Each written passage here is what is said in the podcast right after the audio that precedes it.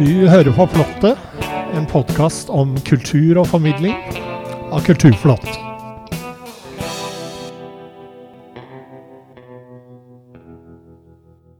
Denne julen har vi besøk av hele 29 artister. De gir oss innblikk i det de liker aller best musikk, formidling og kreativitet. I Flottet har vi også en full adventskalender denne gangen. Hver dag får vi en tekst om mytene ved julen, skrevet og fremført av forfatter, dramatiker og mytolog Terje Nordby. Så her er det mye å glede seg til, folkens. Mitt navn er Bård Andersson.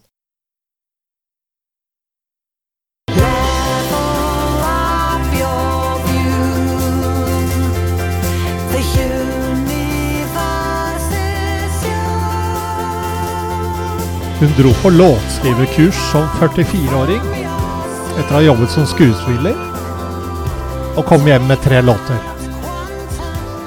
Siden har hun ikke sett seg tilbake, og nå er hun aktuell med ny flate.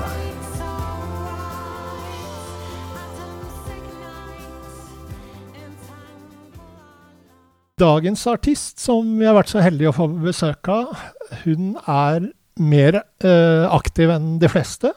Hun er faktisk aktuell med forestilling, fotoserie og album. Det er ikke verst. Velkommen, Sivet Sivert Hoff. Tusen takk. Så fint å ha deg med. Eh, ditt nye album heter Tuned In. Gratulerer med det. Jo, tusen takk. Kan ikke du fortelle litt om hvordan det ble til? Ja, det er jo en ganske mm, interessant historie på mange vis, fordi jeg har jo vokst opp med en eh, pappamusiker fra jeg var eh, ja, fra jeg var født, da. og eh, var egentlig skuespiller i alle de år. Og så, da jeg var 44 år gammel, så dro jeg på låtskriverkurs. For jeg hadde også en storebror som drev og skrev musikk, og både pappa og broren min de døde veldig unge. Så mm, jeg dro på låtskrivekurs akkurat når storebroren min eh, han eh, døde av MS, faktisk, eller som følge av det.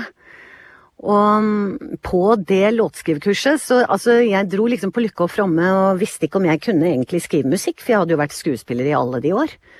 Og så hadde jeg en uke på meg til å være med på dette kurset, og kom hjem med tre låter, og så fortsatte jeg Det var akkurat som om en kran egentlig ble skrudd på. Og så rasa det ut med låter, og ganske fort så hadde jeg en EP som kom ut for noen år siden. Og så tenkte jeg nei, nå lager jeg et helt album. Så det er det som kom ut nå nettopp. Hvor viktig er eh, tekst og det å kunne formidle et budskap i låtene dine for deg? Det er vel nesten det aller viktigste, egentlig. Jeg er eh, veldig eh, meningsstyrt, holdt jeg på å si. Altså, jeg er veldig opptatt av um, budskap, og det er det som kommer til meg først. Så når jeg skal lage en låt, så går jeg liksom og tenker litt rundt noe jeg har lyst til å uttrykke. Og så kommer veldig ofte teksten til meg først, og så kommer melodien eh, ofte etterpå. Ikke alltid, men det er på en måte veldig ofte at liksom budskapet i tekstene Og det er jo det også alle snakker med meg om. Det er veldig ofte tekstene som, som blir samtaleemne. Og viktig er selve musikken som en del av å f.eks. For forsterke det budskapet? Ja, det syns jeg er en sånn utrolig interessant greie, egentlig. Fordi um, jeg er jo som sagt utdanna skuespiller, og der er man jo veldig opptatt av dramaturgi. Altså, det vil si hvordan ting bygges opp. Og um, pauser og lys og stemmebruk og alt det her er jo liksom en del av virkemidlene for å bygge opp en historie på et eller annet vis. Og det tror jeg at jeg har dratt veldig med meg inn når jeg lager musikk også.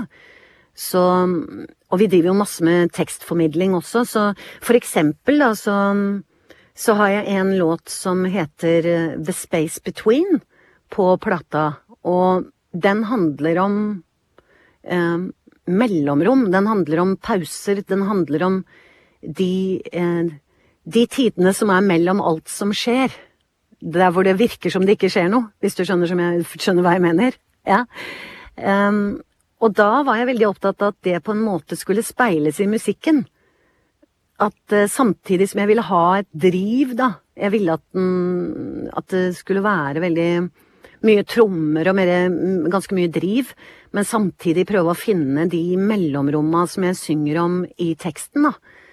Eh, Sånn at det ikke fyller hele låta med verken tekst eller lyd.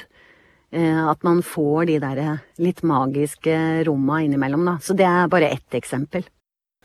Hvordan jobber du vanligvis kreativt eh, når låter blir til? Altså, du nevnte jo at du begynner med tekst og budskap og sånn, men eh, hvordan blir en Sibeth-låt eh, til? Eh, Ja, som du sier, så er det ofte teksten som kommer. Og jeg må jo si at veldig mange av låtene har blitt skrevet faktisk på Nesoddbåten fram og tilbake til, eh, til Oslo, for jeg bor på Nesodden. Og eh, så går jeg tur med bikkja mi eh, hver dag, og da skjer det veldig mye når jeg er ute i skogen. Og noen ganger så kan det komme biter av melodien til meg akkurat når jeg har lagt meg til å sove, og da må jeg ta opp mobilen og, og nynne inn i nattens mulm og mørke og prøve å ikke vekke mannen min. Eh, andre ganger så ja, så kommer det bare inn i hodet. Altså, kreativitet er jo en, en ganske interessant ting, egentlig, fordi det er ikke noe man kan styre. Det kommer når det vil, på en måte, og det kommer oftest når man pusher minst, øh, føler jeg. Derfor så kan det komme på, på de merkeligste steder og til de merkeligste tider, egentlig. Hvilke planer har du for resten av året nå og inn i det nye? Jo, vet du hva, nå skal jeg på Radio Riks neste uke, så nå må jeg øve inn en ny gitarist, fordi alle mine gitarister, jeg kaller de mine, de er opptatt akkurat den kvelden. Eh, Så det er liksom det, og så um, har jeg starta en sånn video, ja, hva skal jeg kalle det, vlogg, hvor jeg um, filmer og legger ut på YouTube um, historien bak hver av låtene. Uh, så, ja, så det kaller jeg Sunday Song Stories, uh, og der har jeg lagd en nummer én nå. Det er jo filming og klipping og uh, i det hele tatt, og så legges det ut på søndager, da.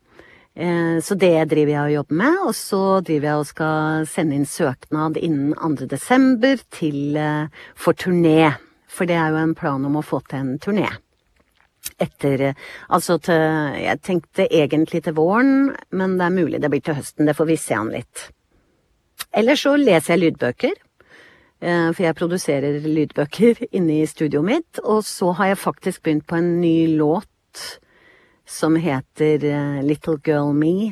Som eh, jeg jobber med produsenten på albumet med. eh, Som heter Tobias Frøberg. Det er Han sitter på Gotland.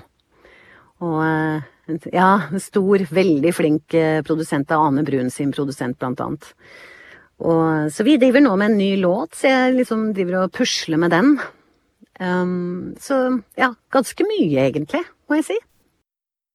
Ja, nå nærmer det seg jul. Eh, Hva betyr eh, julen for deg? Du har jo en far som har eh, skrevet nordnorsk julesalme. Ja, den skal jeg faktisk synge på Radio Riks, har jeg tenkt, 15. desember. Når, når det er live der. Jeg synger den ofte på turné. Um, ja, den er jo julestemning de luxe for meg, og jeg elsker den låta. Den blir, jeg blir aldri lei av den, faktisk. Gjør ikke alle det? Jeg vet ikke. jeg vet ikke, men eh, jeg syns jo den er fantastisk.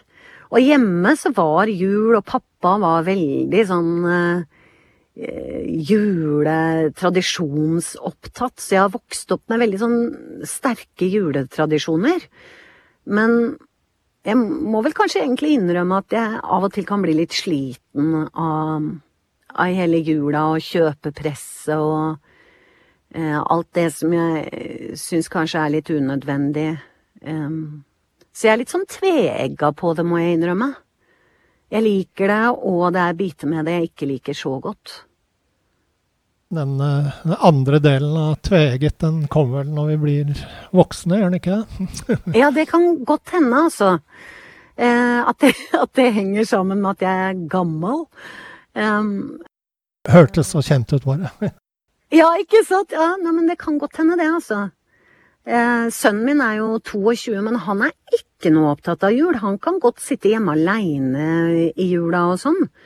Så det er ikke sikkert det henger sammen med alder, men um, Men det er veldig mye som er fint med det òg, fordi vi ser jo hverandre på en måte, og eh, man møter familie, og man møter venner på en litt annen måte, og det lyser jo opp den derre tunge måneden. Jeg vet ikke åssen vi skulle klart oss uten jula i desember, og uten liksom juletrelysa, hvis du skjønner. Det lyser jo veldig opp. ja, så det er jo en glede òg. Men ja, jeg syns jo kanskje Jeg har vært med på noen bursdager eh, eh, Nei, unnskyld, ikke bursdag, ja, både bursdager, men også jul, da, når det gjelder barn og eh, hvor mye gaver som plutselig kommer fra alle kanter med disse fragmenterte familiene. Eh, og jeg må, jeg må jo si jeg blir litt sånn matt av ting, kjenner jeg på. Men det er som du sier, kanskje det har med alder å gjøre. Har du en favoritt julesang? Ja, det er jo nordnorsk julesalme, selvfølgelig. Det måtte være det. Ja, men ja, det er favoritten faktisk, altså, for jeg syns den er så deilig og jordnær. Men eh, jeg er også veldig glad i Deilig er jorden. Jeg syns den er eh, Jeg syns veldig mange av julesangene er eh, veldig fine. De har gode minner og Ja, de er De har noe sånn litt høytidelig og, og vakkert over seg. Eh, jul er jo ofte film for mange. Eh, har du en favorittjulefilm også? Um, jeg sliter litt fordi jeg er sånn som har lyst til å se nye filmer hele tida. Jeg syns det, synes det Og samme musikk, og jeg er ikke sånn som hører på musikk fra jeg var ung. Jeg hører på ny musikk. Eh, Jeg vil gjerne se en ny film. Men jeg, Tre nøtter for Askepott har jeg liksom slitt meg gjennom nesten hver julaften siden jeg var liten. Eh, og jeg kommer liksom inn i det, altså, fordi det blir litt julestemning. Men eh, nei, jeg syns ikke det er så gøy å se de samme filmene om og om igjen. Så det er altså en utfordring for meg. Ja, ser det. Tusen takk for at du kom til flotte Sivert Hoff. Da spiller vi Our Quantum Leap av Sivert.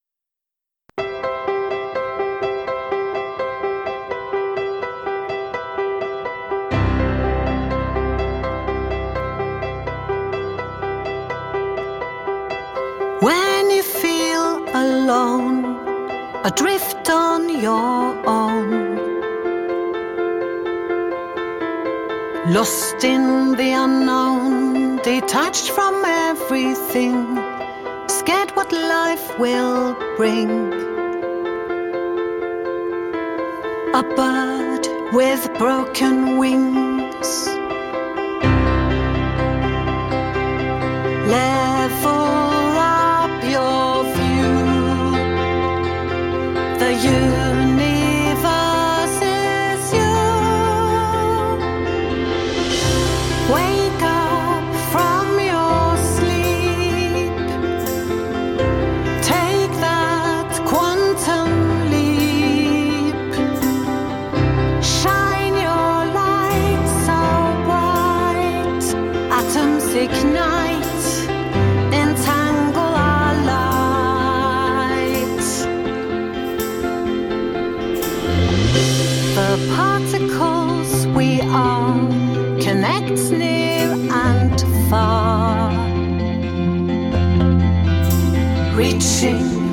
a star, let your stardust shine. Parts of you are mine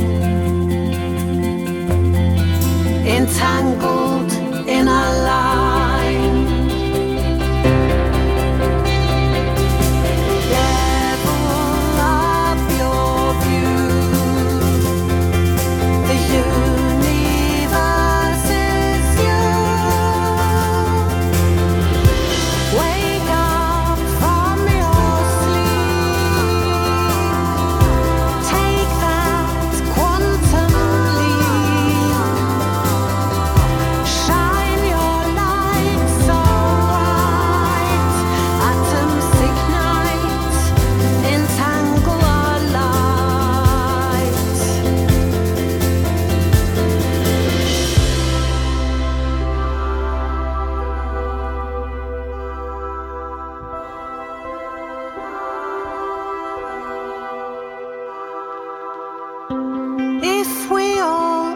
Let's be like the sun. Love for everyone, destined to be more. Open up the door. Let our spirits soar.